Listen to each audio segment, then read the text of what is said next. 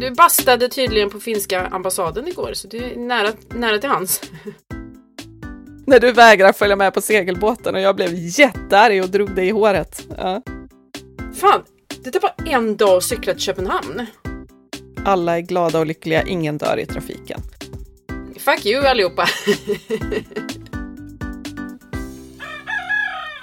Hörru du Sund, säg något du har copied with pride från någon annan. Herregud, var ska jag börja?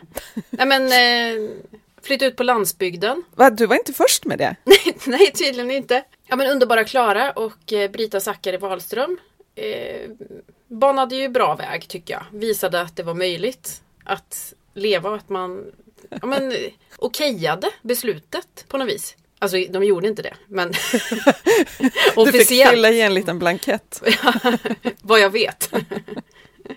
men, men du vet, det känns ju liksom gött i magen att man liksom inte går först i ledet utan eh, någon har testat konceptet innan. Alltså det är ju väldigt många som har gjort det innan. Mm. men, men någon som man kan relatera till kanske. Ja, exakt. Någon som vet hur det är att sakna storstan. Liksom. Exakt, precis. Ja men du då, vad har du kopierat? Alltså jag har ju inte en sån där stor maffig grej att komma med. Jag är ju mer den som kopierar de små bra besluten. Mm.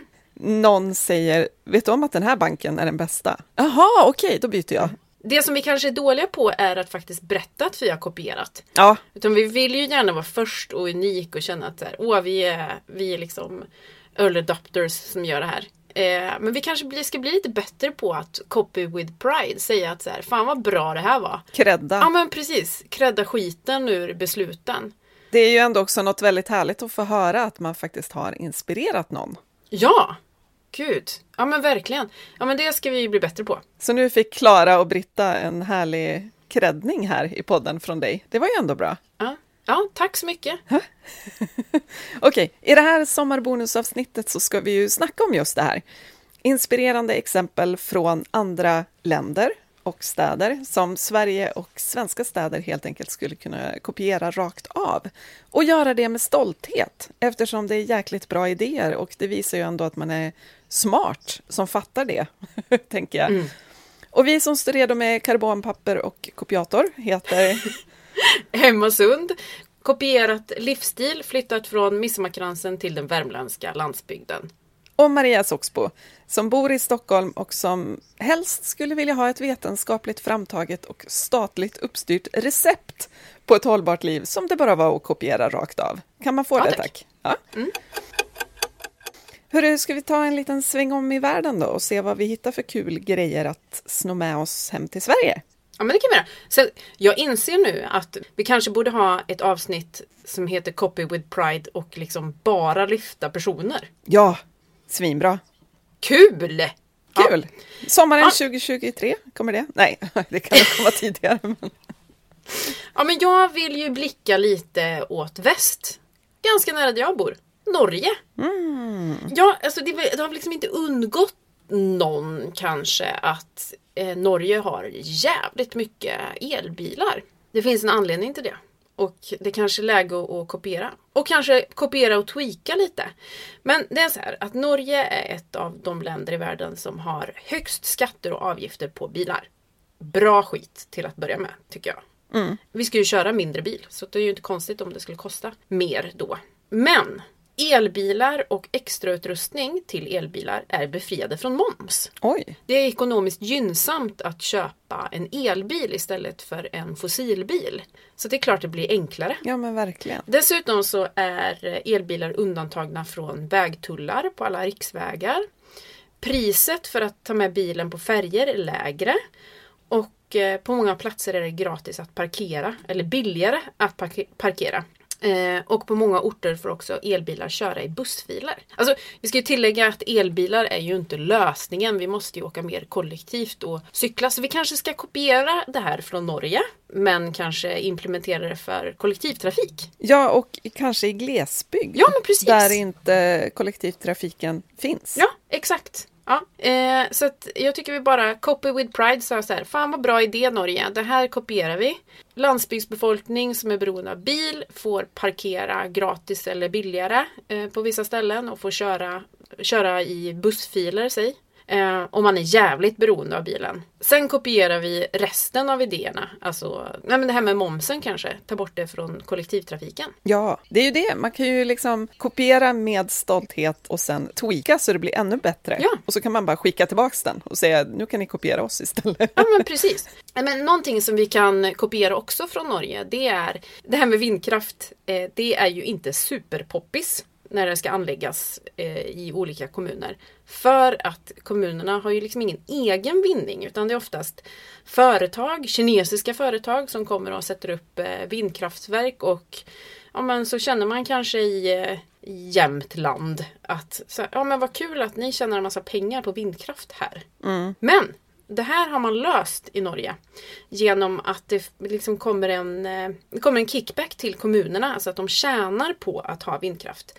Vilket gör att det lokala motståndet minskar. Alltså helt rimlig grej. Alltså det finns någonting att tjäna för norska kommuner på att ha vindkraft. Kanske man blir lite mer stolt över att man har vindkraft. Ja, men det är helt rimligt. Det där vet jag att svenska kommuner i Norrlands inland, alltså sådana här fattiga kommuner fast har jättemycket naturresurser, de har ju länge önskat det här just för att de kanske producerar svinmycket vattenkraft också, förnybart ju, som liksom levereras till hela landet, men kommunen är fortfarande svinfattig för att de tjänar ju inte en krona på det här. Så generellt liksom bara den typen av lösningar som faktiskt landet gynnas av, det är klart att kommunen ska tjäna på det. Ja, Sen borde det ju förstås också liksom vara en del av en sån satsning att man ska försöka se till att det ger fler fördelar till kommunen också, det vill säga Ja. att det skapas lokala arbetstillfällen, eh, att lokala företag i den mån det går får leverera saker till det här projektet, att man ser till att liksom Ja, men om man tar en sån här grej när det byggs en gigantisk batterifabrik till exempel. Och det omedelbart blir bostadsbrist för att det flyttar dit så många arbetare. Och själva liksom, arbetarna som bygger fabriken, det är ju en jättebra grej, för de kommer ju gynna restauranger lokalt, till exempel, och matbutiken och så vidare. Men man måste ju på något vis se till att det inte blir en totalt kaosig situation också. Att folk faktiskt kan bo och leva där och att det inte plötsligt blir galna bostadspriser för att det inte finns några bostäder och sådär. Men, men om man liksom tar hänsyn till allt det här och bara okej, nu ska vi anlägga en vindkraftspark. Det betyder att vi ska kanske starta ett litet utbildningsprogram för lokala människor som vill eh, så här, omskola sig till vindkraftstekniker så att man inte sen behöver ta in konsulter så fort det ska underhållas någonting. ja, kommunägda vindkraftverk eller statliga vindkraftverk istället för att kinesiska bolag ska komma dit och härja. Precis. Hörru, ska vi flytta åt andra hållet eller? Ja, men det gör vi. Ja, nu drar vi till Finland. Du, du bastade tydligen på finska ambassaden igår så du är Ja. nära, nära till hands. Ja, det, det var ju ändå en, någon slags bucket list-grej. Basta på finska ambassaden. Det roliga är ju att finska ambassaden, det är ju Finland. Ja. Ja, det tog också två timmar att ta sig dit eftersom det är Stockholm plus 50 här just nu och totalt kaos i trafiken. Så det var verkligen som att åka till Finland. Va, vad ska vi kopiera with pride från Finland då? Jo, eh, Finland är grymma på cirkulär ekonomi. För att 2016 så införde Finland som det första landet i världen, check på den, en roadmap för hur landet ska ställa om till cirkulär ekonomi. Och det här är liksom bara att man sa det här, att slog fast det här, att nu ska vi jobba utifrån den här kartan. Liksom. Eh, det kickstartade en rad förändringar. Till exempel så har man nu ett statligt program för hur det ska gå till när man gynnar cirkulär ekonomi före linjär. Eh, man har startat en massa utbildningar inom cirkularitet på så här högskolenivå. Bara man sätter en sån här karta så är det väldigt mycket lättare sen att liksom fylla i alla pusselbitar för att det här ska ske. Det borde väl vara en självklarhet i alla länder, eller? Ja, verkligen. En roadmap för hur vi ska göra det här. Det börjar ju bli dags att ha en karta, kan jag tycka. Snacka om och bra PR-värde att vara först. Ja, men eller hur? Men du, Men sen kan man också vara en god tvåa. Det är också bra. ja, så länge man gör något, tänker jag. Ja. Eh, men som sagt, kopiera och credda andra länder. Men eh, är det inte Nederländerna som också har mycket cirkulär, eller som är grymma på cirkulär ekonomi? Jo, det är de. Eh, I den här Circularity Gap Report, eh, som vi nämnde i tidigare avsnitt, så låg ju Nederländerna på över 20 procent, 24,5 mm. kanske det var. Eh, och Sverige låg alltså på 3,4. Så att eh, ja, det finns grannar att kika på för att komma igång, om man säger så. Mm. Ja, men det snor vi rakt av. Perfekt! Eh, nu vill jag åka till Danmark. Visst, det går bra. Hur tar du dig dit? Tåg. Cykel kanske? Ja, precis. Ja, men cykel. Givetvis. Hur långt är det till Danmark från där jag bor? Jag ska kolla ett ögonblick. Köpenhamn. Ja men du, det är ju liksom inte så långt va? Hur lång tid tar det? Med cykel... Fan! Det tar bara en dag att cykla till Köpenhamn. men det är ju görbart på riktigt faktiskt. Hur kan det bara ta en dag? Ja. Nej men jag tar cykeln. Jag har kollat upp här. Det tar en dag att cykla till Köpen... Köpenhamn. Ja, det tar 20 timmar och 47 minuter. Så jag drar nu. Hej då! Hej då! ja, anledningen till att jag tyckte att du skulle ta cykeln istället för tåget i alla fall eh, är för att Köpenhamn är ju helt grymma på cyklar. Redan innan pandemin så gick antalet cyklar om antalet bilar i stan och mm. tillsammans så cyklar Köpenhamnsborna 35 varv runt jorden varje dag. Varje dag? Varje Fan, dag. Vad... Ja. Eh, och där har man liksom gjort en massa satsningar då för att det ska vara så lätt som möjligt att cykla. Man har superhighways för cyklar till exempel, för att det ska gå ja, men supersmidigt att cykla. Så den genomsnittliga Köpenhamnsbon cyklar 5 kilometer om dagen. Eh, nio av tio Köpenhamnsbor äger en cykel, men bara fyra av tio äger en bil. Mm. Så att det är ju verkligen en cykelstad. Och Köpenhamn rankas också väldigt, väldigt ofta som liksom etta när det är såna här listor på the most sustainable city och sådär. Eh, just för att de har lyckats med beteendeförändringen, att människor har liksom ställt om själva. Sen gör de massa andra bra grejer också. De eh, bestämde sig redan 2009 för att de skulle bli världens första koldioxidneutrala stad. Eh, och det här är ett mål man vill nå till 2025. Och för att uppnå det så har man gjort massa såna smarta saker när det gäller energibesparingar i stan. Alltså man värmer husen på ett väldigt fiffigt sätt och man kyler ner husen på sommaren på ett ännu smartare sätt som sparar typ 70 procent av energin och så vidare. Eh, men det, alltså det jag verkligen tycker att vi ska kopiera med Pride är ju det här med beteendeförändringen. Mm. För att i Sverige så är ju alltså galet mycket bilresor, typ 2, 3, 4 kilometer långa. Mm. Och det går ju att förändra om man löser det så att det är lättare att cykla. Liksom. Har du cyklat i Köpenhamn någon gång? Alltså det är något kackelig i hönsgården här. Ett, ett ögonblick så jag kolla vad det är som händer. vad gör ni för något? Nu får ni lugna ner er. Är det du som är på inte hittar ut eller? Så. Ja, nu får ni vara tysta. Så. Hejdå. Alltså sånt kackel. Ursäkta. Har du cyklat i Köpenhamn någon gång? Nej, jag har inte det. Jag har cyklat i London, men inte i Köpenhamn. Nej, men alltså det är ju en, det är ju en fröjd. Och för det första så har de ju elhyrcyklar som nu också Stockholm äntligen, äntligen, äntligen har fått. Och inte så brandade med något företag, typ Alvedon-cyklar, utan, utan eh, statligt gissar jag. Eller kommunalt mycket ljud här på landsbygden. Men, eh, men eh, det är inte något företag som står bakom de här hyrcyklarna eh, utan eh, de är typ helt vita och när man har avslutat sin resa så måste de tillbaka i ett eh, specifikt eh, cykelställ. Alltså det är väldigt mycket ordning och reda. Dessutom så har de ju väldigt tydliga cykeltrafikskyltar som visar hur man ska bete sig. Typ att man måste visa att man ska stanna genom att, eller sakta in ehm, genom att höja upp en hand eh, och att man ska men visa tydligt när man ska svänga. Alltså det är väldigt mycket ordning och reda i cykeltrafiken vilket jag gillar. Uh, styr! Styr! Och hövlighet alltså, kommer ju som en liksom ehm, bonus kring det här. För, för det finns liksom tydliga regler för hur man ska bete sig. Det gör det ju inte i Sverige, utan det är lite High Chaparral. Ja, men exakt. Och då blir det ju såklart en minskad risk för olyckor också, om alla faktiskt vet hur man ska bete sig när man cyklar. Ja, och svinbreda cykelbanor. Ja, det gillar gött. man ju. Nej, alltså ja. bara kopiera Köpenhamn när det gäller ja. cykling. De vet hur man gör. Och sen säger vi tack så mycket Köpenhamn, det var en god idé. Ja. Vart åker vi nu? Nu drar vi vidare. Vi åker mot Tyskland. Jag är ju, eh, jag gillar ju kollektivtrafik. Och eh, det här är, alltså det här är så smart. Det är smart, så smart, så smart. För Tyskland har eh, sänkt priset på kollektivtrafik och tåg under juni, juli, augusti.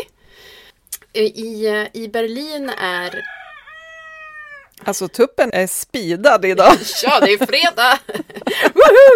Fredagsstämning i, I hönsgården. Nu korkar vi upp!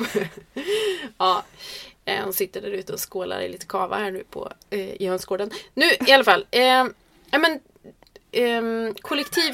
Nej, men, tyst nu! Eh, kollektivtrafikspasset kostar 90 spänn i månaden. 90 spänn. Och då kan du åka runt i hela Tyskland, alltså tåg, eh, spårvagn, buss, you name it. Det enda som inte ingår är snabbtåg. Eh, Men alltså, Alltså, det här rubbet. låter ju ypperligt för mig som ska åka till Berlin i juli. Eller hur? Och eh, för, eh, för eh, tydlighetens skull, du ska alltså ta tåget dit. Ja, ja, ja. Ja, ja. Ja. Det är, så, det är, det är såna grejer som man måste Jag ska cykla faktiskt, cykla. Med hela familjen. det blir kul. Ja. Nej men eh, så smart grej. Dels så får man ju fler att åka kollektivt. Bra för utsläppen. Men sen så gynnar man ju också lokala näringsidkare och lokal turism genom att faktiskt göra den här typen av förändring just under sommarmånaderna. Ja, Eh, eh, men det är, ju, det är ju bara att gynna hela jävla Tyskland. Grattis till er! plus att man ju också då faktiskt eh, skickar, liksom sår lite frön hos utländska turister som mig när jag är där och ser det här och bara, varför har vi inte det här i Sverige? Ja, Så kanske man tar med det hem och pitchar det till någon som kan göra något. precis. Det här ska vi copy with pride. Ja, jag har faktiskt ett specifikt exempel i Tyskland också på något helt annat. Är du med? Ja, jag är Det med. Mhm. finns en stad som heter Freiburg eh, som är en sån här pusselmotivsstad. Förstår du vad jag menar då? Gud vad roligt! Ja, Eh, som ligger liksom nära Schwarzwald, alltså svart, svarta skogen, säger man Ja. på svenska, Black Forest. där enhörningarna bor. Ja, typ så. Ja. Eh, att det är så här makalöst vackert, har jag hört. Jag har inte varit där, men jag är sjukt sugen nu. Det är en 900 år gammal stad. Mm. Eh, som ju liksom, ja, den kanske inte liksom byggdes för solceller om man säger så. Men nu är det typ en sjukt modern stad när det gäller omställning. Där finns det dels dubbelt så mycket cyklar som bilar, typ som Köpenhamn. Men, och det finns 40 mil cykelbanor i stan. Åh jädrar! Eh, och sen hela den här stan, det här tycker jag ändå är lite häftigt med tanke på historien. Eh, när Tyskland liksom var tvungen att bygga upp sig lite igen efter andra världskriget när mycket var sönderbombat. Då byggde väldigt många tyska städer liksom för bilarna, för det, det var ju samtidigt som liksom allt fler började ha bil. Mm. Men Freiburg gjorde tvärtom. De planerade för kollektivtrafik på 50-talet. Hur smart? Hur före sin tid? Åh gud vad... Snacka om att gå sin egen väg. Ja, verkligen. Och så att de har ju liksom, de ligger ju, de har ju gjort jobbet för länge, länge sedan, så de behöver ju bara modernisera allting nu. Eh, och då har de gjort en massa coola satsningar nu på, liksom, i modern tid, som det nya stadshuset som de har byggt, det är ett plushus, så det genererar mer energi än det kräver. Eh, fotbollsstadion går helt på sin egen solel. Eh, och sen lite sådana här små mysgrejer som vi har efterlyst i var och varannat avsnitt. Lokala torget har närproducerad mat i alla stånd. Oh. Ja. Så att de är liksom så långt före. Eh, och mycket tack vare att de en gång i tiden liksom tänkte, okej, i framtiden, hur vill vi leva? Och sen började de bygga för det. Alltså, kan vi spola tillbaka? Nej, vi vill inte leva på 50-talet. Men ibland kan man bara tänka, kan vi inte bara tidshoppa lite och så gör vi lite bättre beslut på typ 60-70-talet? Mm. Då hade vi varit ganska mycket längre fram idag. Liksom. Gud vad kaxigt de måste... Alltså kaxigheten i Freiburg nu alltså. Ja, eller hur? Fuck- Men sen är det ju såklart, det här är ju... och det, visst, det är lite svårt att copy with pride att eh, bygga för kollektivtrafik på 50-talet. Det kanske är svårt att pitcha in 2022. Men allt det här med att liksom, man bygger ett nytt stadshus, självklart ska det vara ett plushus. Mm.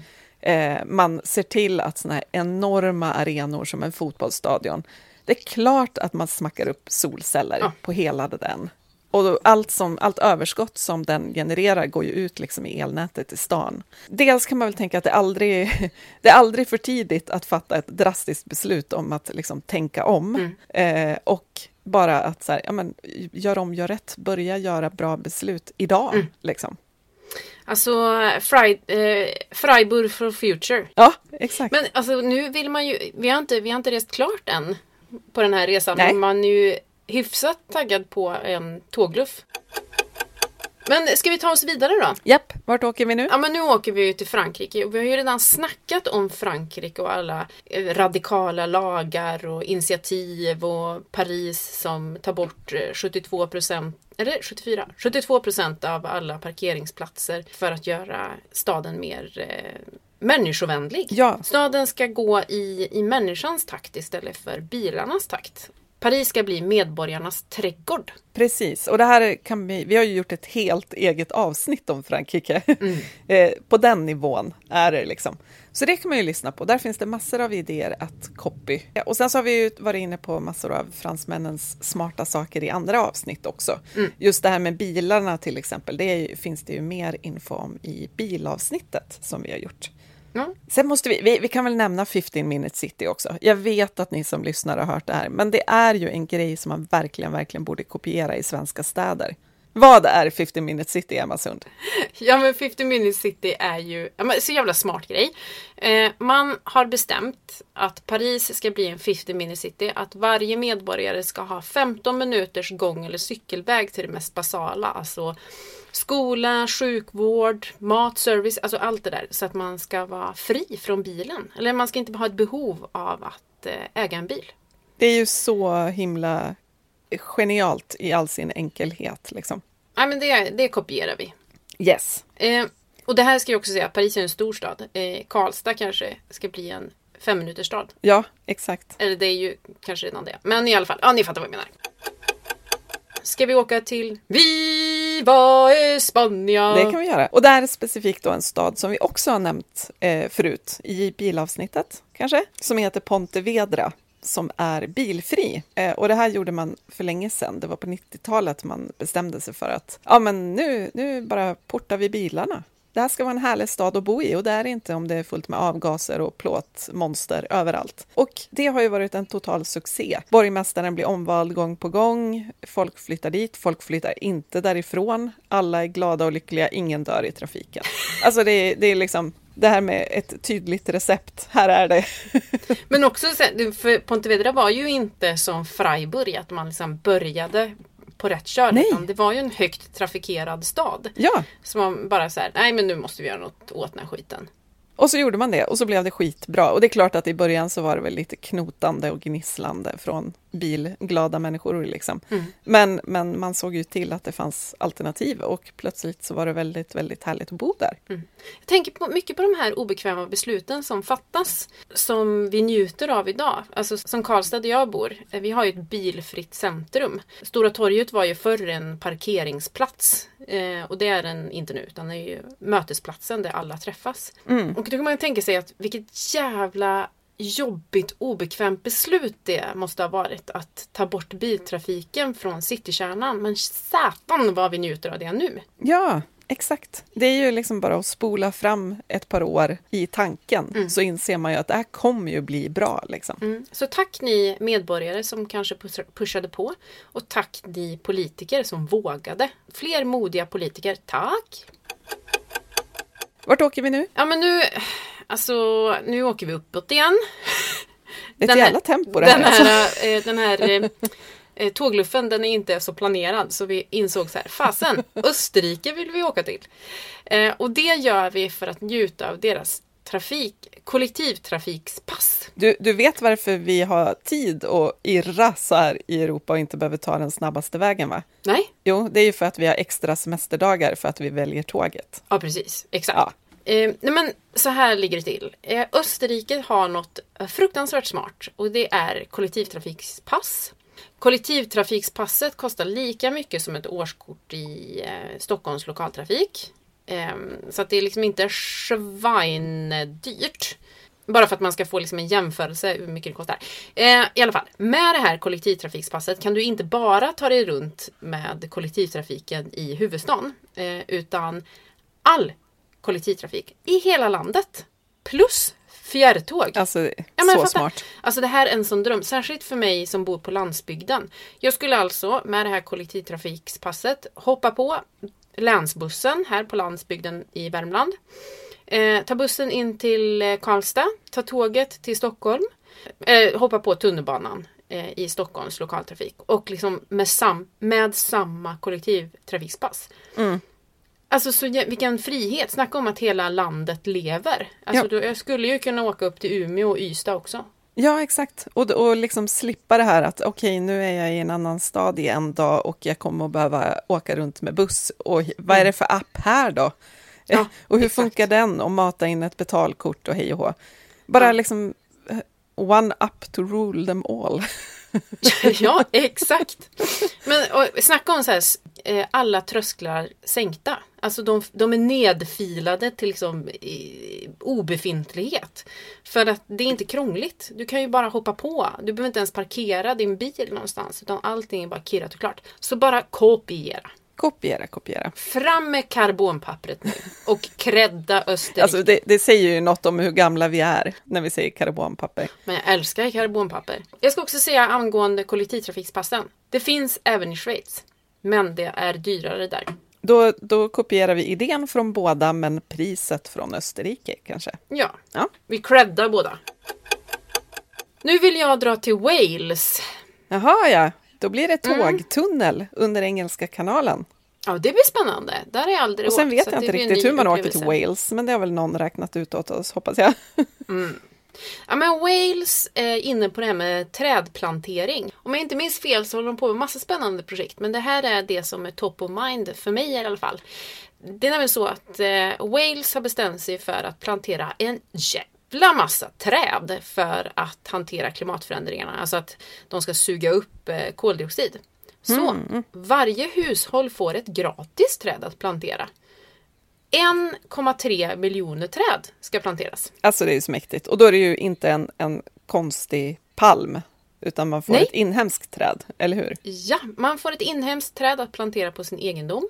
Och om ett hushåll inte vill eller har ett utrymme för att plantera sitt eget träd, eh, man kanske bor i lägenhet, lite svårt att plantera träd. Så, eh, Vardagsrumsgolvet bara rakt av. Ja. så planteras trädet i skogsområdet och eh, hushållets vägnar. Men ändå cool grej, man skulle ju faktiskt kunna besöka liksom, sitt träd. Fin, smart Mm. ja, men det är ja, jättefint, verkligen. Och det är ju ändå, jag menar Wales 1,3 miljoner, de är inte så många. Sverige, nu har vi väldigt mycket skog i Sverige, eller trädplantager Mm. i alla fall. Men ändå liksom 10 miljoner träd.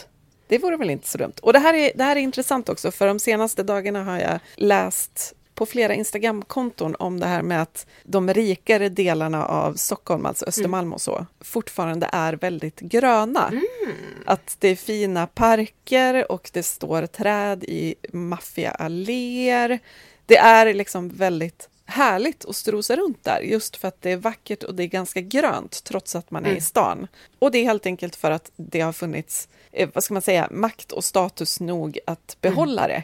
Medan man i fattigare delar av stan, där liksom man har förtätat och förtätat och satsat på betong, liksom stora betongkomplex med många lägenheter och sådär. Där har grönskan sakta men säkert bara försvunnit för att man har inte prioriterat den, för att det har liksom inte riktigt funnits den påtryckningen att det ska vara vackert att bo där. Eh, och det här blir ju en klassfråga också, tillgång till träd. Så det, det, jag skulle vilja komplettera den här med någon slags alla har rätt att se ett träd utanför fönstret, typ. Eh, att även i, i liksom förortsområden och sådär, att det verkligen, verkligen ska planeras in grönska i stadsbilden. Sen ska också tilläggas att nu, nu är vi långt ifrån ämnet, men det som är för, förortens eh, vinning, ska jag säga, det är ju att många av de här miljonprogramsområdena eh, faktiskt har planerats så att man inte ska be- behöva korsa en, eh, en bilväg. När man ska till skola och förskola. Så att, eh, det är någonting som kanske inte lyfts så ofta, men till exempel Bredäng en sån en stadsdel där det finns otroligt mycket cykel och gångvägar. Som vi borde copy with pride till eh, och tacka eller credda, credda förorten för de här superbra, eh, superbra stadsplanering på det sättet. Och sen är det väl tyvärr lite så att i vissa förortsområden så drar man nya motorvägar lite för nära bostadsområdena nu. Eh, För att motståndet kanske inte är eh, Precis, så högt. exakt. Och det är så jävla... Åh! Man blir så frustrerad. Att man lite drar nytta av att det kanske är väldigt många som inte har svenska som första språk som inte riktigt hänger med i vad som är på gång och inte kan protestera därför och så vidare. Mm. Ja, sidospår, men framför mer grönska för alla, inte bara rika. Ja. Och kopiera Wales bara. Absolut. Ett träd. Ja, ska vi dra till USA eller? Eh, Nu blir det en utmaning med tåget, eh, det ska jag säga. Men jag har hört att det finns vissa som seglar dit när de ska på klimattoppmöten. Som Greta. Så vi kan nog lösa ah, det. tänker jag är så jävla rädd för havet. Så att jag, jag tror jag stannar hemma. men jag, du kan väl rapportera lite om hur det är där borta. Over there. Absolut. För alltså, USA i sig är ju inte det klimatsmarta landet. Eh, det kan vi ju slå fast på alla sätt och vis. Men det finns vissa inspirerande exempel ändå. San Francisco till exempel, som bestämde sig redan 2003 för att de skulle bli en zero waste-stad till 2020. Och sen, alltså man nådde inte riktigt ända fram. 2018 var man liksom tvungen att justera det här målet för att man insåg att nej, fan, vi kommer inte att nå det. Men redan 2012, och det var alltså bara nio år efter det här beslutet, då hade man lyckats styra om 77 procent av allt avfall till återvinning och kompostering och så vidare. Och sen utgick man ju säkert inte från, liksom, i Sverige är det ju ändå väldigt välfungerande med källsortering och så, så att det var väl liksom i princip bara hushållssopor innan. Eh, och då är det ganska lätt att göra en stor förändring och en stor förbättring. Men det är ändå liksom mäktigt att man bestämde sig för att i den här stan ska vi inte ha något som heter avfall. Vi ska bara ha resurser. Allting ska cirkulera, allting ska komma till användning, allting ska, ja men som kompost liksom, det ska bli näring till någonting. Eh, och bara liksom slå fast det, sätta ett väldigt ambitiöst mål, det var ju lite för ambitiöst, men alltså hellre sikta högt och komma nästan ända fram än sikta lågt, tänker jag. Ja, alla dagar i veckan. Eller hur? Sen så tror jag ju också att det är precis som det blev för dem, att om man liksom sätter en, en sån här målsättning, då kanske det är ganska enkelt att nå till 75 procent av det här målet, för att med ganska små medel så kan man nog åstadkomma en ganska stor förändring. Det är ju sen det börjar bli svårt att nå de här sista, för varje procent så blir det nog svårare sen, för att man har effektiviserat så mycket som som går redan och liksom jaga de här sista procenten är nog ganska tufft. Eh, lite som att ladda elbil. De sista procenten tar ju aslång tid. Precis. eh, men, men jag tänker just att så här, fan, sätt högre mål. Alla, kopiera det. Sätt ett sjukt ambitiöst mål och gör allt för att nå det. Och sen kanske man måste justera det, men tänk bara vad man har uträttat då ändå. Är det dags att börja vända hemåt nu? Ja, det var ju lätt för dig som inte tog segelbåten över Ja, till USA, men eh, ja, ja, Jag stannade där vid Atlantkusten. din lata jävel. Vinkade Nej eh, mot dig i fjärran där du liksom gav dig iväg på segelbåten. Men nu, nu har du kommit tillbaka. Nu ska vi åka tillbaka mot Sverige. Men jag tycker ändå att vi stannar till lite i Danmark. Igen på vägen hem, bara för att det är trevligt såklart. Men sen så ehm, den här gången stannar vi inte i Köpenhamn utan en av eh, alla de här danska kommunerna som har varit med i eh, projektet Vildaste i landet. Det låter ju Ja. fantastiskt bra. Vildaste landet. Men det finns ju, eh, det kom en... Paradise Hotel, eller? Ja, precis. Biversionen. ja, nej. Eh, det, eh, vi åker till Hörring som eh, vi kanske känner igen från tv-serien Ge oss naturen tillbaka. Där vi ser han bonderöven som eh, ska vilda till den här kommunen för att locka till sig pollinatörer. Bin, fjärilar och humlor eh, för att öka den biologiska mångfalden. Vi är ju beroende av en artrik natur. Ja, Vilket vi liksom, eh, våra städer ju, och kommuner är ju inte byggda för någon annan art än människan egentligen. Och det där ville man i Hörring eh, förändra genom att få med företag och kommun och fastighetsbolag och enskilda personer, eh, enskilda individer att bidra till den biologiska mångfalden och helt enkelt eh, skapa natur. Vild natur så som naturen ser ut. Sluta klippa gräsmattor, anlägga ängar, plantera träd och buskar och eh, på alla sätt och vis gynna biologisk mångfald. Så där Sjukt tar vi en picknick i gröngräset tycker jag. Innan vi styr hemåt. Alltså gud vad härligt. Får, jag- får jag göra någon slags liten, eh, det här var ju stökigt med Mm. tanke på hur vi har rest, men jag vill bara säga en grej till om Freiburg, Ja. apropå biologisk mångfald. Ja. Eh, för att en bra grej de också gör där är att eh, när de gör en satsning som är liksom en bra omställningsgrej, till exempel att man drar tåget eh, på ett nytt sätt så att fler kan åka med det eller någonting, Mm. då kompenserar man också det genom att eh, se till att någon annan del av staden får bli ännu grönare, typ. Mm. Till exempel så rinner det en, en flod genom stan, Mm. om jag har förstått det här hela rätt. Jag har inte varit där som sagt, eller jo det har jag ju i det här avsnittet. Men, ja. men där har man någon sån här liksom, grej att floden ska få liksom, eh, svälla ut åt ena hållet, Mm. där det inte stör. Och där ska det då liksom gynna naturlivet. Mm. För att man ska locka tillbaka insekter och fåglar och växter och sådär som liksom när, när stadsmiljön har blivit lite för stadsig Mm. eh, så att det inte är så mysigt längre för vild natur. Då har ju en del arter försvunnit. Och nu liksom genom att rewild flodkanten Mm. åt ena hållet så ska man kunna locka tillbaka mycket av de här. Och det tänker jag är så bra grej att även om det, man gör en satsning som inte liksom är en motorväg utan faktiskt tågräls som är en bra grej, men det är klart att man lite stör naturen Mm. där den drar fram, hur bra satsning den är. Och då tänker man liksom, okej, vad kan vi göra för bra grej åt naturen i samma veva? Naturligt tänkt, tänker jag. Mm. Ja men, åh, bra. Jag tänker, nu har vi ju liksom Nu har vi ju gjort en jädra bra reseguide här. Eh, SJ, det är helt lugnt att kopiera det här som någon form av gruppresa.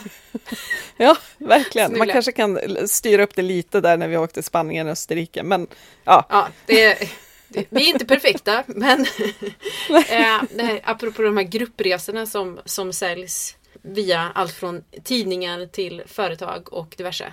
Nu har vi, nu har vi gjort halva jobbet här. Upptäck framtiden. Följ med på gruppresa ut i Europa. ja och Vi, vi skippar USA. Ja, det gör vi. Men vi tar med oss Mm. zero waste. Vi bara googlar och läste på om det och så tar vi med oss den grejen, tänker jag. Men däremot så tänker jag också så här att kan inte ni som lyssnar, om ni vet fler såna här bra grejer, alltså lagar eller inspirerande exempel på hur man har byggt i en stad eller vad som helst, eh, skriv till oss. Antingen på planbpodden.gmail.com eller på vårt Insta-konto. För det är ändå så här, det är ju så bra idéer får vingar genom att de faktiskt sprids till fler. Och plötsligt så når det Mm. rätt person som faktiskt tar det till sig och gör något av det. Så kanske vi kan göra ett till Copy with Pride avsnitt så småningom. exakt. Det här var ju så kul. Du, får jag tipsa om en, en helt annan grej som också är värd att kopiera? Nej? Nej. Jo, Ja, vad det får det. Ja, okej. Jo, kör. Jo, det här blir ju ett lite nischat tips då, men med tanke på att vi är greenfluencers eller hållbarhetsinfluencers och vi kanske har några influencers bland lyssnarna också, Mm. så vill jag bara tipsa om att man med stolthet kan kopiera Therese Lindgrens nya samarbetspolicy. Mm. Hon vill ju till och med att man ska göra det. Hon har ju lagt upp den på Instagram för att fler ska kunna använda den. Och vill man ha en sån som gäller mer än bara mode, för Therese policy gäller bara mode just nu, även om den ska utökas med mer branscher sen, så kan man kopiera din eller min. Ja. Eller hur? Min ligger på min blogg under kontaktfliken, bara att eh, copy-paste. Ja, kopi- kopiera. Och är man till exempel en följare till en influencer så kan man ju faktiskt tipsa den om eh, samarbetspolicies som kanske Ja. tar lite mer hänsyn till eh, klimat och miljö. För det fina med det här är ju också att man faktiskt pushar företagen att skärpa sig om de vill jobba med de här influenserna. Ja, vi måste sätta lite mer press och det har ju vi som följare jättestor makt att faktiskt påverka situationen och influencers och i då förlängningen också företag och samhälle. Exakt. Så tipsa din favoritinfluencer om att ha en bra och tydlig och hållbar eh, samarbetspolicy. Och tipsa gärna då om Therese Lindgrens samarbetspolicy. Ja, Nu! Nu är vi hemma, nu måste vi vila upp oss och sen så ska vi eh, lägga massa medborgarförslag va? ja. det ska vi. Och så ska vi ha lite semester och inte klippa gräset, utan vi ska bara ligga i hängmattan och se på när ogräset växer och bina Det är trivs. så gott.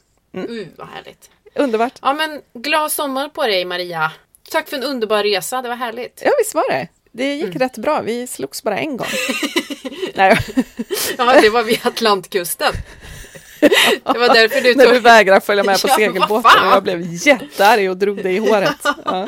Ja, förutom den. Men det, resten var ljuvligt. Resten var ljuvligt och det kommer fler sommarbonusavsnitt ska vi också säga. Vi, vi har gjort ett gäng som vi pytsar ut under sommaren så ni ska ha någonting att lyssna på när ni är lediga. Mm, ligger i hängmattan. Exakt. Ha det gött! Ha det gött! Hej då! Hej!